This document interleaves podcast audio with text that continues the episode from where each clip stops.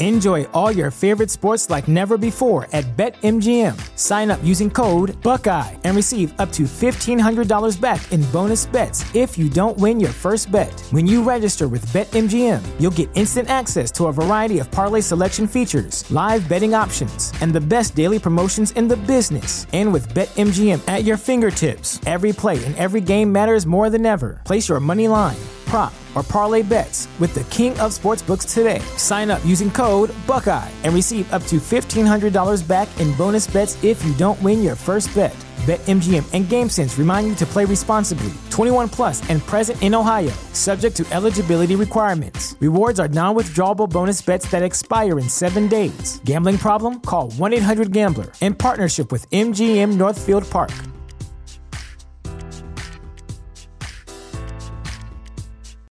This is the story of the one. As a maintenance engineer, he hears things differently.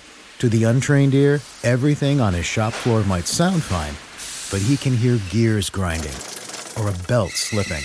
So he steps in to fix the problem at hand before it gets out of hand. And he knows Granger's got the right product he needs to get the job done, which is music to his ears. Call, clickgranger.com, or just stop by. Granger, for the ones who get it done. Zapo. Zábrná v podcastov.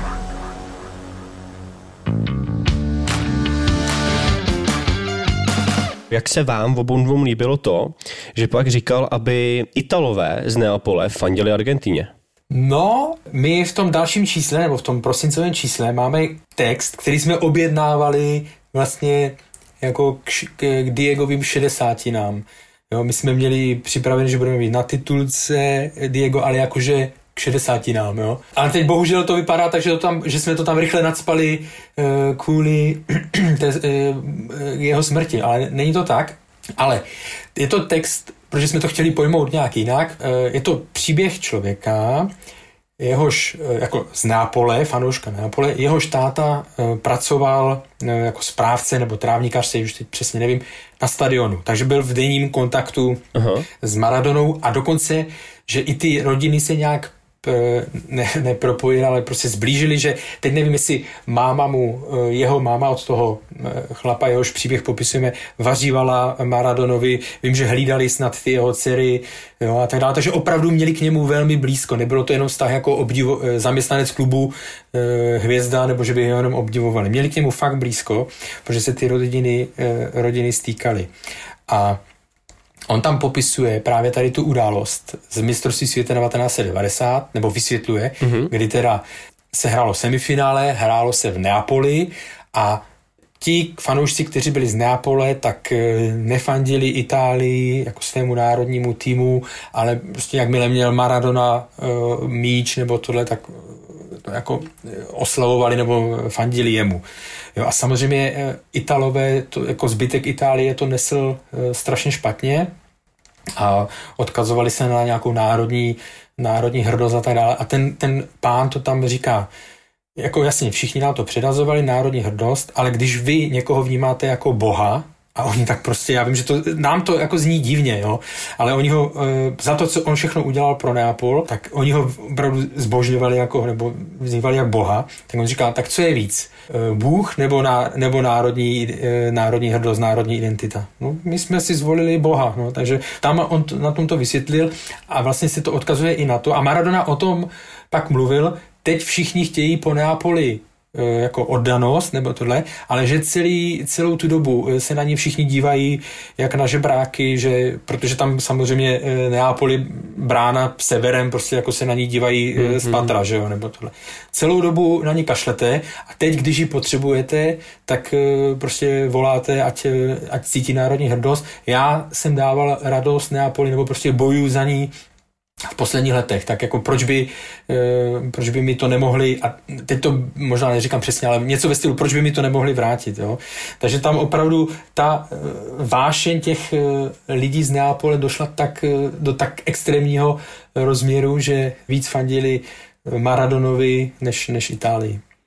Mě by zajímalo ještě, jestli je vůbec možný, nebo v té době bylo možný, jak oni spekulovali, že prostě on třeba hrál pod vlivem kokainu, jestli to vůbec jako šlo, nebo jako jestli to vůbec jde, co to s tím jakoby tělem udělá. Bohužel ani jeden z nás není doktor, aby nám k tomu něco Jsem to řekl. chtěl říct, že Karol není doktor. A, nejsem doktor a nehrál Ale- jsem nikdy pod kokainem, to ještě bych dodal. To, je- nebo to musíš Ani nepsal, zkusit ani dneska a pak nepsal. nám zavolat znova. No, Ne, ale jako to jsou taky věci, které podle mě vždycky budou trošku jako eh, tak, takový, takový vzduchoprázdno, že se to nikdy nedozvíme. Ale zajímalo by mě vlastně možná názor nějakých jako lékařů, co to s tím tělem udělá, jestli to vůbec jako jde. jako fakt nejsem, nejsem lékař, eh, ono to asi v nějaké fázi to asi nakopne, eh, nevím. Eh, Oni, co jsem tak jenom letmo zaregistroval, tak samozřejmě, že eh, v Neapoli eh, v té éře, že se nějak snažili eh, některé ty, eh, některé ty dopingové vzorky prostě eh, falzifikovat, že jo, nebo to, protože od určité doby se to vědělo. Jo. Když to pak prasklo, tak to, všich, tak to v Neapoli brali, že to byla, ať už to byla pomsta eh, ze strany FIFA, což bylo na, na mistrovství 94, nebo předtím, že to bylo na rozkaz klubů ze severu a tak dále, takže oni to brali eh, jako pomstu, jo, ale to nic nemění na tom, že prostě to bral, že jo. Ale tady u těch hráčů, jednak on sám teda přiznal, že ho drogy určitě neudělali lepším hráčem, eh, že naopak, ale u těchto hráčů to je prostě, já nevím, no, to je ta genialita, Eh, Podívejte se na Paula Gascoina, který z hodou okolností teď o tom mluvil, že se že jo, jednou, že mu říká, hele, já jsem měl nějaké drinky, já jsem opil, a on říká, já taky v klidu, při zápase.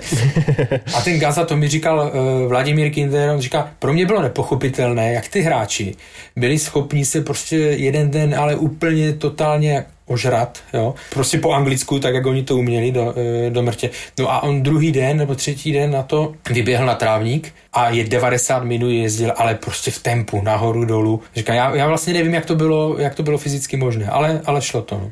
To je právě na co já třeba narážím, eh, že já vždycky přemýšlel, jaký bych byl hráč, kdybych nebral drogy. To on vlastně řekl v tom dokumentu mm-hmm, na tom Netflixu. Ale já si myslím, že vlastně v té době, jak měl to si myslím, že ani nemá Messi ani s Ronaldem, že by ho na každém kroku sledovalo snad 10 tisíc fanoušků. Ano. A bez těch drog to podle mě nejde. Já jsem říkal, já bych teda ty drogy nebral, ale já bych spíš skončil s tím fotbalem, protože bych to nezvládl psychicky, ale on si vybral vlastně lásku k tomu fotbalu, ale musel si něčím pomoct. A to tam přesně píše ten, eh, ten autor, nebo ten, eh, ten chlap o tom mluví, ten pán, že říká, v Neapoli, ta Neapoli je ještě opravdu specifická v tom, že e, tam, když vyjdete ven jako hráč, tak e, tam opravdu vás u jídla fotí, tohle tam vám nedají pokoj. Ono, když se to pak nedaří, tak to je zase opak, tam vám seberou hodinky z ruky Jasně. nebo vás prostě nahání a tak dále. Jo. Marek Hamšík by mohl vyprávět. Přesně tak a i další, že jo. E, e, oni vám buď dávají stoprocentní lásku, anebo vás prostě bez milosti potrestají, pokud e, neděláte to, co byste dělat měli, nebo neodvádíte takové výsledky, jo. Ale on tam mluvil o tom, že právě to, že on vlastně přišel absolutně o nějaké soukromí, že on nemohl nikam přes den jít, aby ho neto, takže vlastně o to víc vycházel eh, večer, že jo, jako ne do ulic, ale prostě do, do klubů a na takové lidi se nabalujou lidi e, zvenčí, že jo, každý se s ním chtěl eh, vyfotit, každý s ním chtěl být jako e, kamarád a pak už asi to jenom eh, k tomu e, sklouzlo. A, To Domino zná. no, přesně tak. A naopak. Ale Domino chodí v 8 ráno a do té studené vody a tam se tam potkávají lidi. Tam se nechodí o půlnoci. No. Přesně tak, tam, tam jsem sám, relaxuju a je klid. Tohle je podcast bývalého golmana Dominika Rodingera a fotbalového fanatika Davea. Právě jste si pustili přímo z kabiny. Tak dobrý den posluchači a posluchačky podcastu přímo z kabiny. Eh, Dneska jsme si připravili trošku jiného hosta než fotbalistů a je jim eh, sportovní novinář a zakladatel fotbal klubu Karel Herring. Ahoj Karle. Ahoj, díky za pozvání. My děkujeme. My děkujeme za čas, který jsi si udělal, protože jak sám si říkal, tak vlastně teďka po tobě spousta lidí chce něco a ty jsi neudělal čas na Prima News, ale udělal jsi čas na přímo z kabiny, čehož se vážím. Já jsem to musel nějak jako rosto, jak se to říká, rozdělit. No, ne, mám trošku výčitky vůči kamarádům e, ze CNN Prima News, ale domluvili jsme se někdy na příště. Dneska takhle je to úplně v pohodě a jako je to hektický, protože se- uzavíráme další díl fotbal klubu, do toho samozřejmě hlavní práce, ale tak na vás si udělal. Už jsem vám jednou odmítl v létě, tak jsem nechtěl po druhé. Slovo odmítnul je škaredé, jenom jsem prostě mi to v létě nevyšlo, Jo. tak, tak eh, jsme se nedohodli, tak jsem rád, že to můžeme udělat teďka. No nic, já bych šel k hlavnímu tématu, jestli můžeme k Maradonovi, co vy na to? No jasně. Můžem. Ale já to mám, já jsem nad tím včera přemýšlel, já to mám u Maradony tak, že vlastně když si vezmeme, tak když se psali ty články o něm včera, tak všude bylo buď jeden z největších, anebo napsali možná největší, nejlepší hráč všech dob. A teď si, teď si vezměme, že on je vlastně na tady té úrovni jako braný, jako možná, jeden, možná úplně nejlepší, každopádně jeden z absolutně nejlepších. A to víme, že on, což i on sám přiznal, že ten svůj potenciál vlastně nevyužil naplno. Jo? Že eh, nevím, jestli by Messi mohl Messi neměl nějakou překážku, eh, u které bychom mohli říct, že kdyby ho nepotkalo to, byl by ještě lepší. U Pelého asi taky ne, ale nejsem, jako to nemám samozřejmě ty takhle do detailu, ale u Maradony to víme naprosto, že, že on byl, on je řazený mezi absolutní, absolutní špičku a zároveň víme, a on to sám přiznal, že nevyužil naplno ten potenciál, který měl, že měl tam pauzy kvůli eh, dopingovým trestům a tak dále. Takže jako když si představíme, že by ho tohle nepotkalo a, a věnoval se celou tu dobu fotbal, tak bychom se asi bavili teďka v téhle době o prostě nejlepším hráči všech dob. Takže není nejlepší hráč všech dob. Pro mě třeba, když se podívám na čísla Lionela Messiho a, a Cristiana Ronalda a, a vezmu, jak opravdu náročný ten fotbal teď je, tak pro mě to jsou prostě fakt z jiné planety čísla. Jo. Tak to já teda musím jakoby říct, když se podívám na ty kličky, který všechny dělal, tak si myslím, že to nemá ani Lionel Messi. No, eh, to chci říct, že ještě tam se vlastně eh, by se mělo eh, brát v úvahu i to, že na jakých hřištích se třeba hrálo v 80. Ano. letech.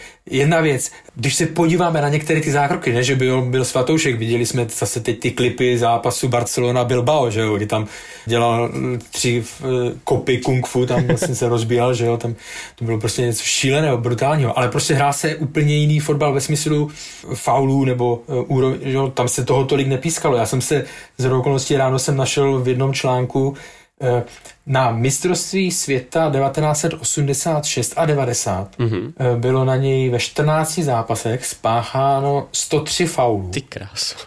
Jo, což je 3% všech faulů spáchaných na, tom, na těch dvou turnajích. Jo? A není tam započítáno mistrovství světa 1982, kde on v zápase z Brazílií, tak oni ho tam tak okopávali, že on pak samozřejmě ztratil nervy a, a dostal červenou. Prostě, takže to jsou naprosto neuvěřitelné statistiky. Takže i z tohoto pohledu u něj prostě u něj opravdu platí to, co jsi říkal, on se s tím míčem jako narodil. Jo? On to byl součást, tak jak hmm. naší součástí je ruka, noha a tohle, tak pro něj to byl ten balon.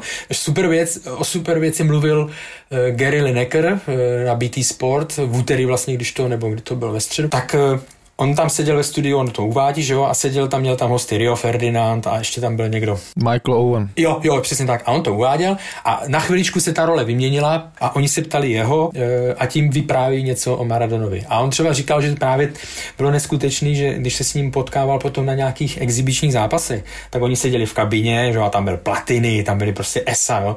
A on, že tu e, techniku toho míče, že on seděl v kabině, seděl a žongloval si a furt si to tam jako ten míč mluvil, mluvil a furt si přihazoval míč. No ale víš, s čím on si žongloval? Nevím. On si smotal do kuličky štrupny. On normálně seděl v šatně a to, to právě ten Lineker, co jsem jako pochopil z toho, eh, z toho studia, tak on seděl normálně v šatně, vzal si štrupny, smotal je do kuličky mm-hmm. a prostě třeba cca pět minut s nima prej jako jenom žongloval levou nohou na no, místě. No. Seděl a žongloval ze štrupnama. No, to jsem nezaregistroval, ale určitě si zaregistroval to, jak on říkal, Lineker, že když vylezli ven a byli na, na hřišti a rozcvičovali se, takže on jako chviličku žongloval a pak tou levačkou napálil míč, prostě strašně vysoko, jako díval se na ten míč, no a jak ten míč začal padat, tak tou nohou ho vzal a, a zase vysoko a tohle, že udělal prostě 12krát nebo 13krát mm-hmm. v řadě, mhm. že to jenom prostě mm-hmm. posílal bez nějakého zpracování, nebo že by se nechal skočit 13krát za sebou. Prásk, prásk, prásk, prostě. Takže ta jeho jo. noha nebo ta jeho genialita fakt v tomhle byla, v tomhle byla výjimečná. No. Ten Lineker za právě pak říká, že oni to zkoušeli v Barceloně mm-hmm. a že prej, když jakoby to uh, chtěli zkusit jakoby i v ostatní spoluhráči, on, tak vždycky do toho kopli a museli normálně běžet někam pro balón, protože vůbec jim to jako nevyšlo, jo. což je prostě geniální. Jako mm. ono na těch videích je prostě vidět, že on se fakt s tím míčem narodil. On odmala musel s tím míčem mm. prostě, mm.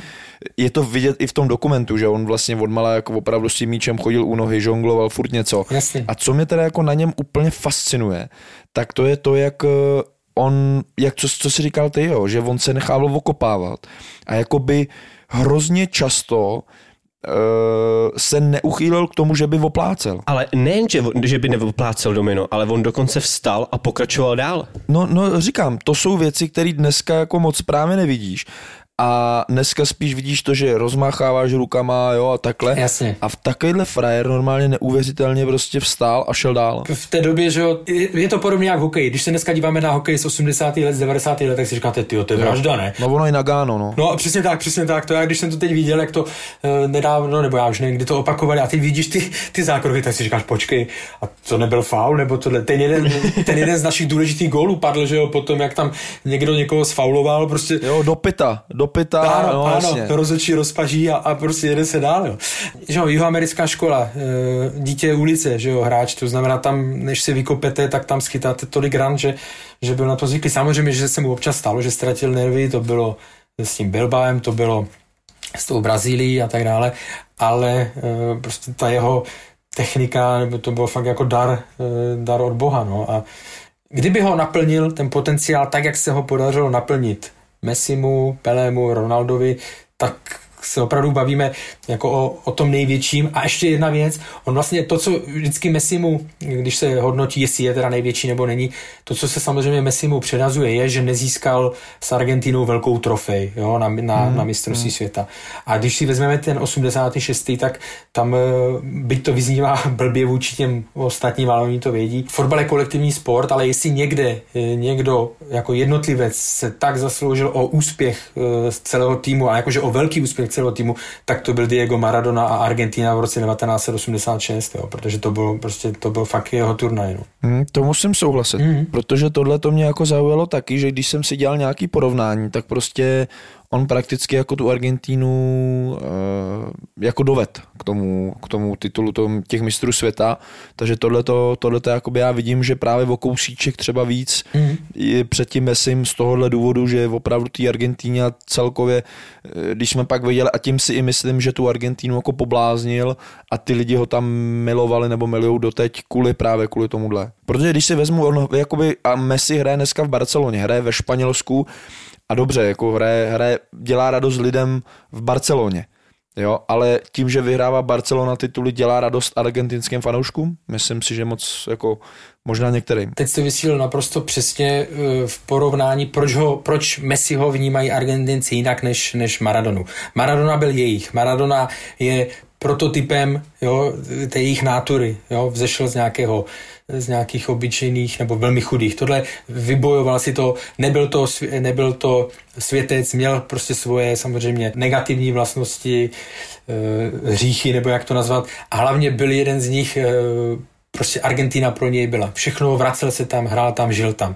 Messi, eh, ne, ne, jako nespochybnuju jeho vztah k Argentině, ale Messi odešel ve 13 nebo v kolika letech do Španělska, eh, do Barcelony, že, kde mu pomohli vlastně s tím růstem, tou léčbou a pro ně Messi není jako úplně klasický, nebo ne, nechci říct, že pro ně není Argentinec, ale prostě nevytvořili si k němu tak úzký, tak blízký vztah, jako hmm. k Maradonovi právě pro všechny ty jeho plusy i mínusy. se mi hrozně líbilo, že on třeba v těch rozhovorech, když dělal pro novináře, tak on všechno věnoval a dělal pro lidi. Mm-hmm. On i když byl, vyhrál něco v Nápoli, tak řekl, to je pro lidi z Nápole. Když něco vyhrál s Argentínou, to je pro lidi z Argentíny. Já trénuju, protože miluji lidi v Argentíně. Uh, chci se vrátit zpátky, protože chci dát radost lidem z Argentíny. A on podle mě tady tím strašně jako si získával ty lidi, ale nebylo to hraný.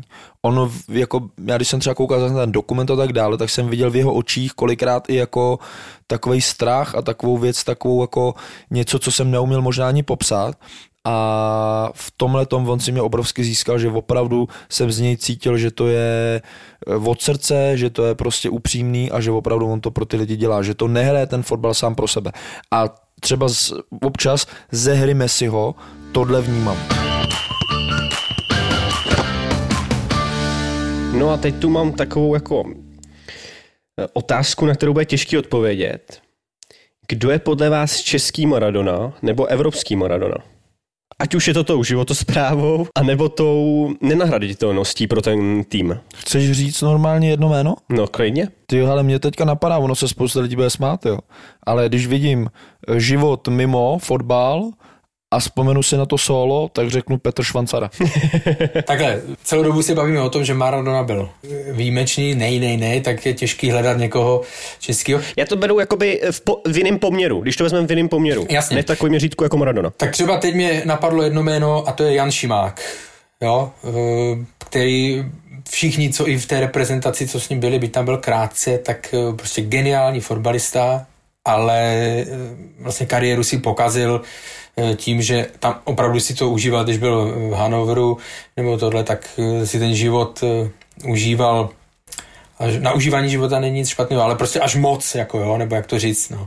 A toho, pak z toho měl, že nebo se bralo, že měl deprese nebo nějaké ty syndromy, ale na to, jaký to byl eh, geniální fotbalista, nebo ten potenciál, jaký měl, tak eh, určitě to, to nevyužil a nevyužil ho právě proto, že nedokázal zvládnout ten eh, život mimo, mimo fotbal. Platí rovnice, kterou jsem vám psal do skupiny, skvělý fotbalista se rovná skvělý tanečník. Jo, tak to platí, no, tak to, protože já jsem nikdy neuměl tancovat a fotbal mi taky moc nešel, takže asi to možná platí.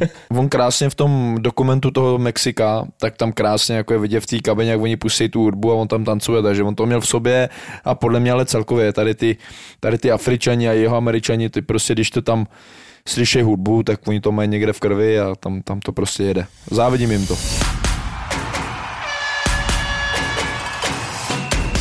Zajímalo mě ještě, máš mezi uh, fotbalistama kamarády? Kamarády, eh, já bych to nechtěl používat, jako aby to nevyznělo, že se já eh, vydávám za jejich kamarády, abych jako netvrdil, jo, já se znám s tím, s tím a s tím, ale samozřejmě za těch, eh, když jsem to dělal intenzivně těch 16 let, tak hlavně v, tak, hlavně v té první éře, když já jsem nastoupil do sportu, tak mi bylo 25 a teď si vím, že já jsem začal v, v roce 2000 začín, zrovna běželo Euro 2000, to znamená ta éra Pavel Nedvěd, Karel Poborský a, a další jména. Mm-hmm.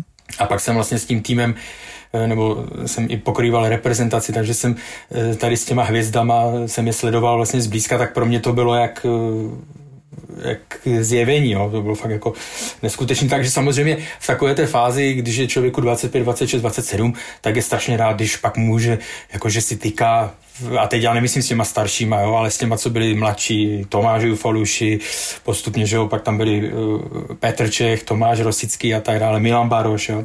Ale můžu říct, že třeba éře, kdy to, jako Milan byl prostě v Liverpoolu a tak dále, tak uh, s tím jsem si často, uh, s tím jsem si často volal, s Tomášem Rosickým si myslím, že já to vždycky beru tak, jestli ten člověk by si se mnou chtěl sednout na pivo, jo, tak to znamená pro mě, že mě nějak způsobem bere nebo tohle. Jo. A myslím, že třeba s Tomášem Rosickým by určitě, kdyby jsme měli čas, že bychom si měli o čem povykládat. Věřím, že s Petrem Čechem, ale i se spoustou, i se spoustou dalších, moc hezky jsem si rozuměl třeba s, nebo s Máriem Ličkou a dalšími, že ať to nemyslím jenom, že to jsou jako ty největší se člověk jako v úzovkách e, přisává jenom na, na největší jména. Takže, ale ono je to samozřejmě zrádné. Je to dobré na jednu stranu proto, že když potřebujete rozhovory, e, tak ten člověk vám věří, tak vám ten rozhovor dá pravděpodobněji, než kdybyste volal jako úplně neznámý. Ale pak mm-hmm. samozřejmě se může dostat do situace, a to jsem třeba prožíval uh, u Milana Baroše, který byl fakt moje taková srdeční záležitost, protože z Ostravy, nebo jako hrával za baní, že, za Liverpool a tak dále, jako strašně jsem mu fandil. A pak přišlo to období, kdy měl ty skandály, že jo, a teď se k tomu člověk musí uh, nějak postavit, jo, takže to už pak už je to nebezpečné pro tu práci, když už se ty vztahy jako až moc přiblíží. No to jsem se právě chtěl zeptat, jak je jakoby těžký psát o těch klukách, když prostě cítíš, už nechci říct k němu, že máš fakt jakoby blízko, protože můžete být přátelé, ale teď opravdu se něco stalo, ať už nějaký průser nebo něco, mm. tak jestli se ti třeba stalo, že někdo ti řekl, ale ty o mě píšeš tohle a už já už ti žádný rozhovor dávat nebudu, nebo přestanu s tebou mluvit, protože někdy se to jakoby děje. Diego Maradona, mm. tam víme, že třeba jeden ten přestřelek je takový, že začal střílet na ty novináře. Hele, tak daleko jsme se tady nedostali. nebo, nebo to ne, nevím s někým. Jako samozřejmě, že eh, teď, co si vybavím na první, na první dobrou, tak vím, že třeba byl tenkrát na mě naštvaný eh, Vláďa Šmicer, se kterým normálně jako komunikujeme, ale ve chvíli, když si vzpomenete na kauzu eh, rozstříhaná Saka uh-huh, a pokřiky uražlivé na, na Latka Durálka po postupu na Euro 2012. A já jsem tehdy psal, že vlastně oni, když se vraceli, v noci z Černé hory, tak se jim jako nechali vlastně ty hráče, kteří byli rozstříhaní, že jo, samozřejmě tam bylo asi nějaké pivo a tak dále, nechali je projít letišní halou, byť přiletěli v noci nad ránem, tak tam samozřejmě byli novináři a tak dále, takže se to dostalo ven. A já jsem prostě napsal komentář, že, uh, že ve stylu, uh, že to měli líp ošetřit. A Vláďa Šmicr byl tehdy, já nevím, jestli vedoucí mužstva, nebo měl tam prostě funkci, že jo. Manažer. Nebo manažer, tak jo. A já jsem uh, vlastně napsal, že to měli mnohem líp ošetřit, že prostě měl přijet autobus rovnou na plochu, jo, rovnou ty hráče tam naskládat, aby vůbec nepřišli do kontaktu s lidma. A on mi pak volal a to bylo, to bylo poprvé v životě, kdy jsem ho slyšel naštvanýho, a říká mi, myslíš si, že jsme to snad neskoušeli? Nebo já jsem ty informace neměl, že by to zkoušeli, jo, když, jsem se, když jsem se ptal, ale prostě tam jsem ho slyšel, tam jsem ho slyšel uh, jako naštvaného, jo, to bylo ale jako od té doby v pohodě. Jsou kluby, který po nějaký určitý takovýhle věci ty novináře si nepouští do klubu? Nebo jsou i třeba kluby, který nedovolujou uh, rozhovory s hráčema? V cizině tam to opravdu jede tady to, že pokud nějaký deník nebo nějaký redaktor v zovkách sklame důvěru toho, uh, toho hráče nebo klubu, tak uh, se mu může stát, že mu že mu nevyhoví, že mu nedají e, rozhovor. Jednou jsem byl, když Milan Baroš hrál v Aston Villa, hrál tam i útočník Kevin Phillips mm-hmm. a ten e, po zápase při, přišel mezi novináře, já jsem tam čekal, že se ho zeptám na pár e, věcí jenom k Milanu Barošovi a teď tam byl e, hlouček, já jsem stál stranou a byl tam hlouček anglických novinářů, pěti, šesti a on přišel, někdo dal otázku a on mi říká, a on jim říká, je tady někdo ze Sanu? A tam se frajer přihlásil z druhé brázdy a, a říká, no já. A on říká, ok, já budu odpovídat, až vy tady nebudete. Hmm, taky pěkný. Takže on e, vlastně podstoupil potom, jo, protože to zase nechtěl e, asi kazit těm ostatním. Ty jsi dělal rozhovory třeba například s Johnem Terrym, Thierry Manrym nebo Steven Gerrardem. Mm-hmm. Jak se třeba na takovýhle e, rozhovory připravoval? Nebo jestli se vůbec připravoval? A jestli je to třeba rozdíl dělat s takovýma hráčema uh, rozhovor a pak třeba s hráčema, který znáš třeba z reprezentace? Když budu mluvit o těch třech, tak aby se někdo z českých médií dostal uh, tady k těm lidem na, na jeden na jednoho rozhovor, protože někdy vás pozvou, kde je samozřejmě 10 lidí a, a to jsou takové uh, akce, které jsem neměl rád moc. Hektika. No, hektika a otázka každý pes jiná věc, jo. Uh, novinář Česka se zeptá, uh, vzpomínáte si na, jak jste hrál s Pavlem Nevědy?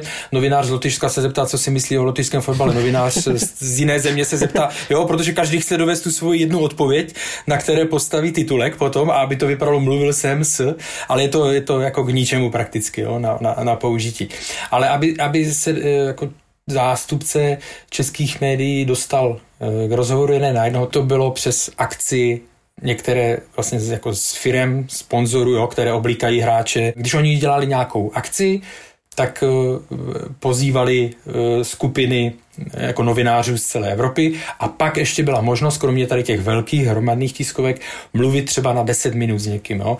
A takhle se mi to poštěstilo teda u Thierryho Henryho, což bylo taková fakt super, že jsme tam čekali a vždycky po 10 minutách jsme se střídali. Já jsem vycházel nahoru, tak on se zrovna převlíkal, tak jsem ho ještě chytil ve slipech. Ale bylo to jako 10 minut z jeho strany profesionální, bez, bez nějakého, že by byl unavený nebo že eh, by ho to nudilo, nebo možná ho to nudilo, ale uměl to zakrýt. Bavili jsme se ale o Rostickým, bavili jsme se o Panenkovi, Antonínu, že jo, protože on byl jeden z těch, co ty uh, Panenkovi penalty uh, uměl kopat. A Steven Gerrard to bylo před zápasem Sparty s Liverpoolem, tam to šlo taky touhle cestou, uh, že jsme, a tam jsem ale vyloženě letěl jenom na otočku za ním, dostal jsem asi půl hodiny a to bylo, to bylo super, tam jediný, čeho jsem se bál, samozřejmě byla jeho angličtina, ale jako to, to jsem si nějak během toho rozhovoru, uh, během toho rozhovoru jsem si na to zvykl, tam jsem mu rozuměl, největší problém byl to přepsat, ale to, to by ještě nevadilo pře- přeložit to do češtiny, ale já jsem to musel vlastně přeložit pak zpátky do angličtiny a poslat to na, eh, na Adidas ke kontrole. Jo? A, a tam jsem si nemohl dovolit vynechat eh, dvě slova, kterým jsem nerozuměl, ale věděl jsem význam té věty, jo? ale nemohl jsem vlastně si dovolit eh, tam něco vynechat, takže to bylo fakt, to byla celkem dřina a musel jsem si pomoct s někým z Anglie, aby mi to opravdu co nejvěrohodněji přeložil, ale nejvíc, co mě rozesmálo, vždycky si na to vzpomenu, když jsem vyjádřil, když jsem se ho ptal na Petra Čecha a tak dále a řekl jsem mu, že v Česku třeba uh, je část fanoušků nebo expertů, nebo jak to nazvat, kteří spochybňují, jako, nebo eh, kteří brali eh, u Petra Čecha třeba centry a tak dále, práci ve vzduchu jako slabinu. No? A on mi říká, to ne, to vážně? A já říkám, no, jakože prostě jste to tak vnímá, jo, a tohle. A pak jsme mluvili, mluvili, mluvili dál a asi po třech minutách on v jedné odpovědi tak jako přestal, zakroutil hlavu a říká, já si furt, já furt nerozumím tomu, co jste mi říkal s těmi centry, jo, s, tím, s tou práci ve vzduchu, protože, jo, protože on říkal, že prostě golman, který má, když má golman mít nějakých deset vlastností, tak u Čecha, kdybyste měl dotazník, tak jenom děláte tik, tik, jako box, jo, že odfajfkováváte jeden box za druhým. Jo, takže tohle, tohle, mu, tohle nebral, tohle nepobral. Máme tady rubriku Pivovar květ. Pivovar květ. Pivovar květ. A je to nějaká kalba, eh, ať už třeba po nějakém vítězství, eh, kde si třeba byl na nějaký party s hráčema, nebo i třeba v cizině, je něco takového, na, co si třeba vzpomeneš, nějakou hezkou historku? Hele, eh, když se postoupilo na euro, nebo na mistrovství světa, teď já nevím. Ale bylo to tak někde, já nevím, 2004, 2006 v té době. Mm-hmm. A nás poslali, repre postoupila a vědělo se, že nějak pojede e, někam to slavit. A nás poslali, víc jsme, to nebyl blesk, ale sport a tehdejší šefredaktor nějak se mu zalíbila představa, že bychom měli následovat ten tým někam do toho baru. My jsme teda byli strašně jako naštvaní, protože jsme to nechtěli dělat, že to nebyl jako náš styl, nic, co bychom chtěli psát, no ale tak dostali jsme rozkaz, tak jsme dva jsme jeli, myslím, že jsem já s Pavlem Hartmanem a, a je, jelo se do solidní nejistoty, to byl, ano, to je ten Ano.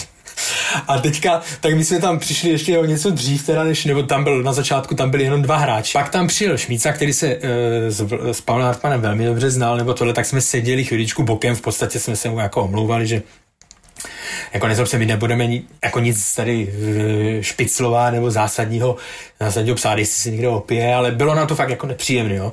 Tak jsme si povykládali a dobrý, pak bylo u některých eh, hráčů, kteří když nás tam zahlídli, tak, tak bylo vidět, eh, jako, že si takový dívali se tak jako divně, jo, nebo tohle.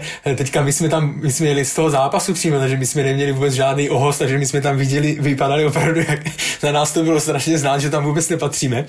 A můj zážitek z toho je, že já jsem stál v nějaké takové té namačkané uličce okolo toho baru a šla ženská, jako servírka, která nesla já nevím, jestli na tácu asi 8, něco ve stylu mochita nebo nějakých těch, těch drinků.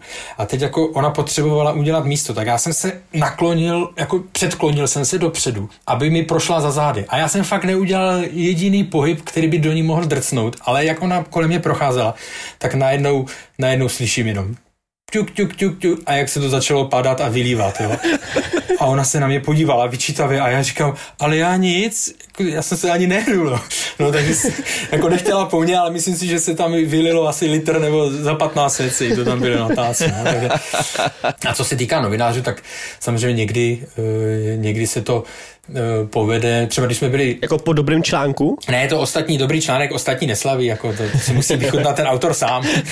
Ale když jsme byli na Euro 2016, tak samozřejmě, když eh, ten člověk tam jede v režimu, eh, ráno stane, jede na, na tréninkové centrum, udělá rozhovory, píše, píše, eh, večer si jde na večeři, dá si pivo, kouká na zápasy a, a, a jde se spát a tak to jede pořád, dokud není zápas, pak se jede na zápas, vrátí se v pět ráno a tak dále. Ale jeden ten den nám tam vyšel, že jsme poseděli nejdřív v nějaké restauraci, pak jsme přišli do hotelu a, a tam v lobby jsme seděli, nebo to byl jako, to nebyl klasický hotel z recepcí, z restaurací. A tam jsme fakt vydrželi tak nějak do dvou, do tří. A tam si vzpomínám, to, ale v pěti lidech, asi jenom v šesti lidech. A tam bylo výborný jeden, eh, jeden novinář, já ho nebudu jmenovat, protože to tohle umí naprosto fantasticky eh, imitovat Karla Jarolíma. My jsme to tehdy natáčeli na video, ale to prostě my jsme se váleli smíchy, jo. A to jako bylo to v dobré, my jsme jim řekli, jako udělali jsme v uvozovkách otázku a on odpovídal, to nebylo, že bychom jako si dělali srandu uh, z Karla Jarolíma, ale spíš z toho, jak on to fakt dokonale uměl. Někdo to tam natáčel a puštěl to na, uh, jeden z nás, a já vím kdo, a taky ho nebudu jmenovat, to dával hnedka na Facebook, tak jsme ho ráno vyjezdili, prostě co to tam dává jako ve tři ráno.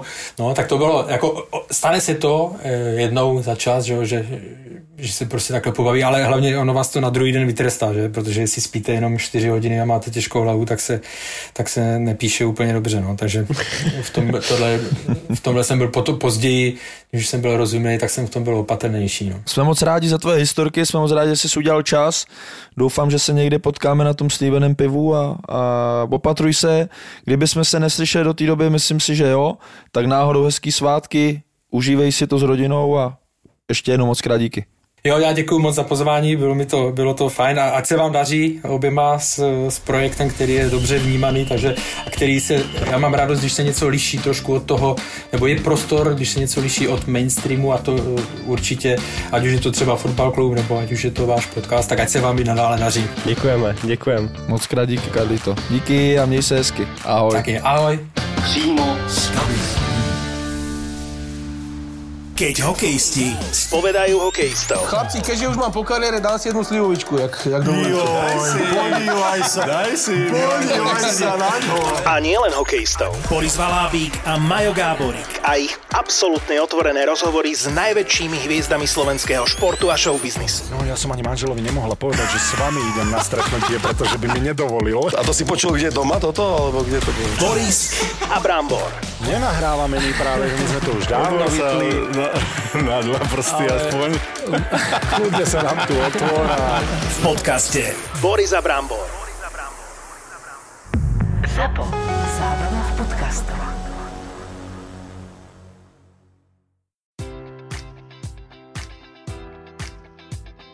Enjoy all your favorite sports like never before at BetMGM. Sign up using code Buckeye and receive up to $1,500 back in bonus bets if you don't win your first bet. When you register with BetMGM, you'll get instant access to a variety of parlay selection features, live betting options, and the best daily promotions in the business. And with BetMGM at your fingertips, every play and every game matters more than ever. Place your money line prop, or parlay bets with the king of sportsbooks today. Sign up using code Buckeye and receive up to $1,500 back in bonus bets if you don't win your first bet. BetMGM and GameSense remind you to play responsibly. 21 plus and present in Ohio, subject to eligibility requirements. Rewards are non-withdrawable bonus bets that expire in seven days. Gambling problem? Call 1-800-GAMBLER in partnership with MGM Northfield Park.